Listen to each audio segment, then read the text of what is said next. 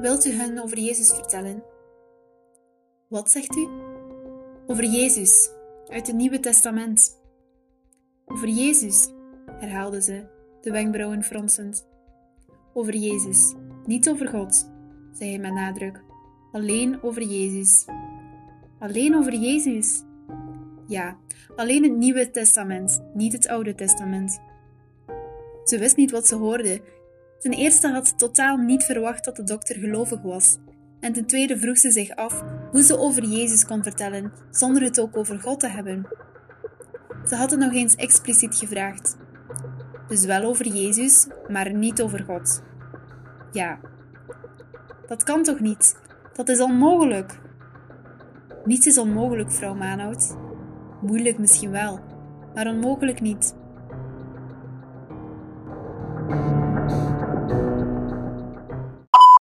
Scientific Jesus.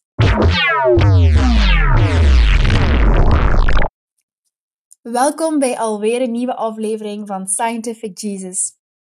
In deze episode beschouwen we de onuitgemaakte strijd tussen religie en wetenschap.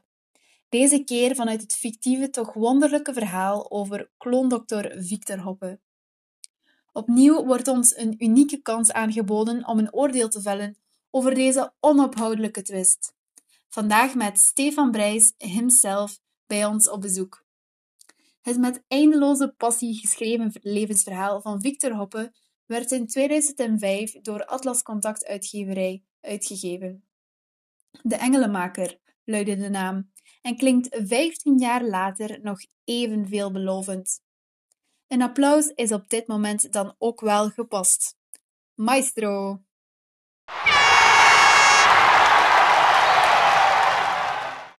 Goedemorgen, Stefan Brijs. Goedemorgen. Alvast uh, mijn excuses voor de vrouwelijke toon van mijn stem, maar helaas is er nog geen wondermiddel tegen een hardnekkige verkoudheid uitgevonden.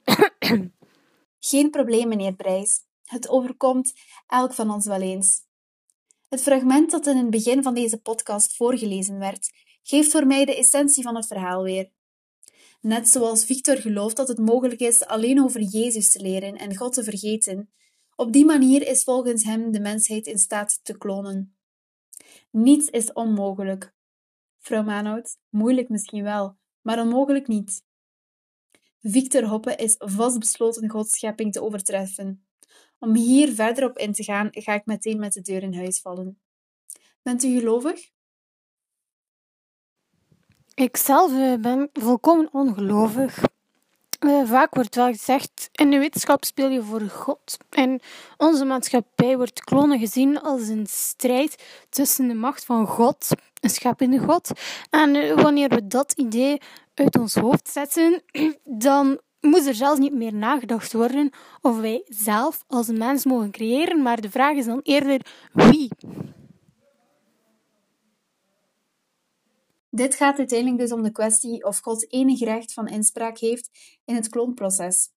Ik moet zeggen dat ik zelf oprecht gefascineerd ben door deze discussie en heb me hieromtrent dan ook al goed geïnformeerd. Ik weet zelfs nog dat ik een van mijn eindwerken op de middelbare school over een onderwerp gedaan heb uh, dat in dezelfde lijn als klonen ligt. Van waar komt uw interesse? Al enige tijd werd ook ik zelf geïntrigeerd door de mogelijkheid leven te creëren door minuscule aanpassingen in DNA en dergelijke. Het helpt natuurlijk ook dat mijn moeder interesse heeft doorgegeven. Ze, zij las er ooit een boek over en zo begon ik dat ook te lezen. ja, je weet al hoe dat gaat. Uh, het thema klonen is een veel bediscussieerd uh, onderwerp. En met deze roman wilde ik vooral mensen uh, stof tot nadenken geven. Dus ik vind het gewoon zeer bijzonder in welke mate uh, de wetenschap nu al invloed heeft op zo'n belangrijke dingen als het leven zelf. Leven geven en leven nemen. het is een o zo moeilijke kwestie. En daarom dat ik de vergelijking met God en Jezus in het verhaal stak. God geeft en neemt leven, maar Dr. Hoppe wil Jezus achterna en enkel leven geven om zo uiteindelijk Gods creatie te perfectioneren. Dat is de essentiële gedachte achter de engelenmaker. Of ben ik verkeerd? Nee, u bent zelfs helemaal juist. Uh, omdat Victor Hoppes ouders hem bij de geboorte afstaan, omwille van zijn afschrikwekkende hazenlip, ziet, ziet hij het levenslicht pas wanneer hij in het klooster van de zussen Clarissen als debiel opgenomen wordt. Door de verachtelijkheid en de zusters, van de zusters uh, tegenover laagbegaafden groeit hij op met het idee dat God het kwaad in de wereld heeft gebracht.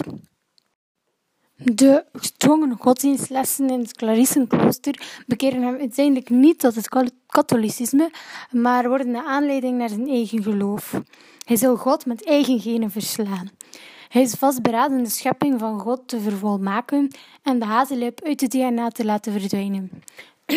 Desondanks dat hij omwille van zogezegde achterlijkheid tot het klooster toegelaten wordt, blijkt Victor met uitzonderlijk intellect bedeeld te zijn. Daarom wordt Victor in zijn tienerjaren vrijgesteld van het gesticht en krijgt hij de mogelijkheid om zijn studie in Eupen verder te zetten.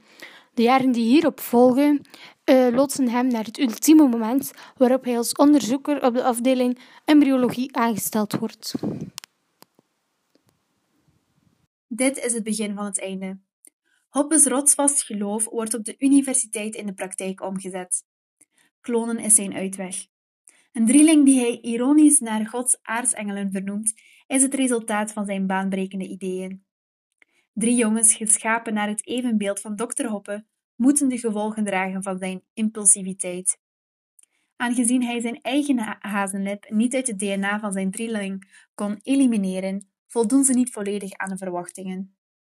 Onderzoek na onderzoek stelt Victor Hoppe meer gebreken vast. Hoe meer tegenslagen, des te meer bezeten Dr. Hoppe omgaat met het verlangen om Gods schepping te verbeteren. En waar eindigt dat? Tja, waar eindigt het met Jezus? U hint subtiel op het einde, maar ook op het verband van Jezus met Victor Hoppe. De klonendokter voelt zich nauw verwant aan de Messias. Hoppe's leven lijkt dan ook parallel te lopen met die van Jezus, hoewel in een andere tijdsgeest. Eveneens opvallend is de structuur. Wel, u noemt het opvallend, waar ik de driedelige structuur van de, uh, de truc van de schrijver noem. In het eerste deel zorgt voor een algemene beschrijving. De lezer heeft nog niet meteen door hoe de vork precies in de steel zit en bijgevolg wordt hij getriggerd om zijn leesavontuur verder te zetten. In het tweede deel wordt het hoofdpersonage biografisch voorgesteld en hiermee wordt een hoppes intenties duidelijk gemaakt. Het derde deel verrast met onmiskenbare actie en eindigt groots. Een spannend einde is gegarandeerd. Terechte woorden van een excellente schrijver. Hoe bent u eigenlijk bij romanschrijver als beroep gekomen? U weet waarschijnlijk wel dat ik als leraar ben afgestudeerd en dat ik eh, begon als opvoeder in mijn vroegere middelbare school. Ik werd in tijd een aantal keer gevraagd essays te schrijven en ook recensies uh, voor de boekenbijlagen van de Morgen en de Standaard. En dat beviel mij wel. Het idee van een verhaal te delen met anderen waarover ze zodanig nadenken, waardoor ze er zelfs uh, recensies over schrijven, dat intrigeerde me. En zo begon ik op een avond zelf een verhaal neer te pennen.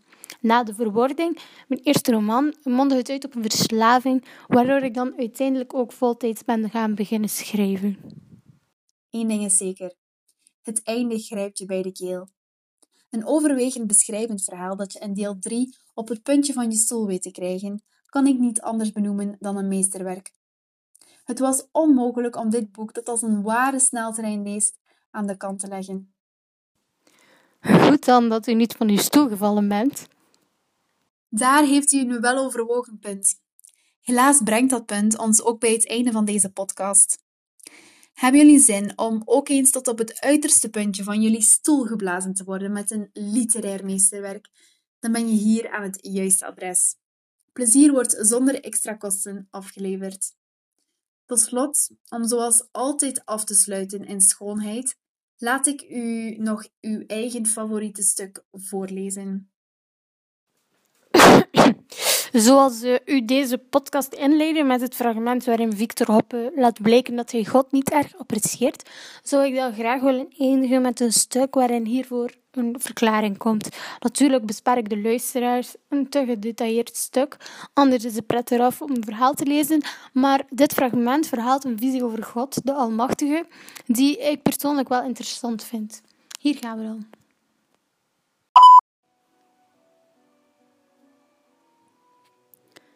En God, in het beeld dat Victor van hem kreeg, speelden de woorden van broeder Thomas, broeder Lucas en pater Norbert een grote rol. Doordat zij keer op keer God voorstelden als een dreigend wezen, als degene die veroordeelde en strafte, die almachtig was, aloverheersend en albesterend, besefte Victor, die zelf onmachtig was om te relativeren, die amper onderscheid kon maken tussen het abstracte en het wezenlijke, dat God zelf eigenlijk de bron was van al het kwaad.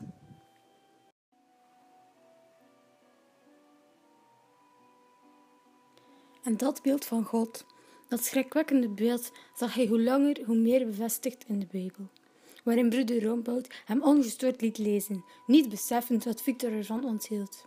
Hij onthield immers God keten oorlogen, God, God verwoestte steden, God stuurde natuurrampen, God strafte, God doodde. God geeft en God neemt, Victor, onthoud dat. God gaf, inderdaad, maar voor alles wat God gaf, nam hij eens zoveel terug. En dat was wat Victor tenslotte onthield. Scientific Jesus.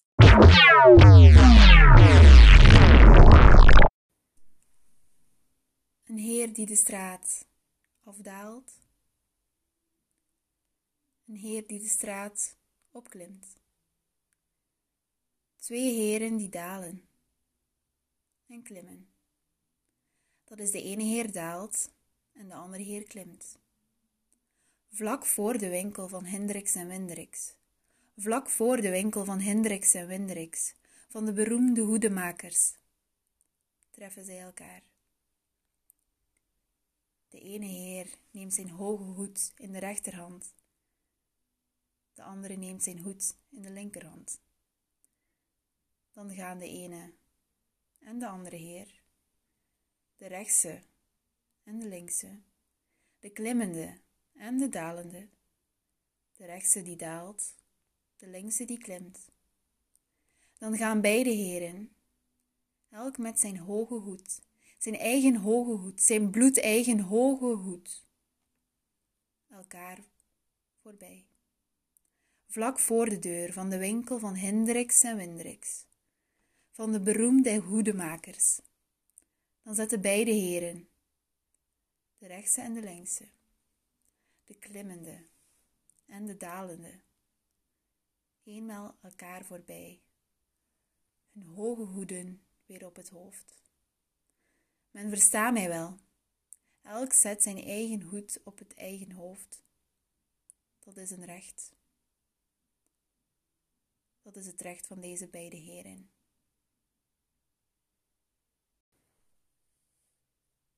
Een heer die de straat afdaalt, een heer die de straat opklimt, twee heren die dalen en klimmen. Dat is de ene heer daalt en de andere heer klimt. Vlak voor de winkel van Hendricks en Windricks, vlak voor de winkel van Hendricks en Windricks, van de beroemde hoedemakers treffen zij elkaar. De ene heer neemt zijn hoge hoed in de rechterhand, de andere neemt zijn hoed in de linkerhand. Dan gaan de ene en de andere heer, de rechtse en de linkse, de klimmende en de dalende. De rechtse die daalt, de linkse die klimt. Dan gaan beide heren, elk met zijn hoge hoed, zijn eigen hoge hoed, zijn bloedeigen hoge hoed, elkaar voorbij. Vlak voor de deur van de winkel van Hendricks en Windricks, van de beroemde hoedemakers, dan zetten beide heren, de rechtse en de linkse, de klimmende en de dalende, eenmaal elkaar voorbij, hun hoge hoeden weer op het hoofd. Men verstaat mij wel. Elk zet zijn eigen hoed op het eigen hoofd. Dat is een recht. Dat is het recht van deze beide heren.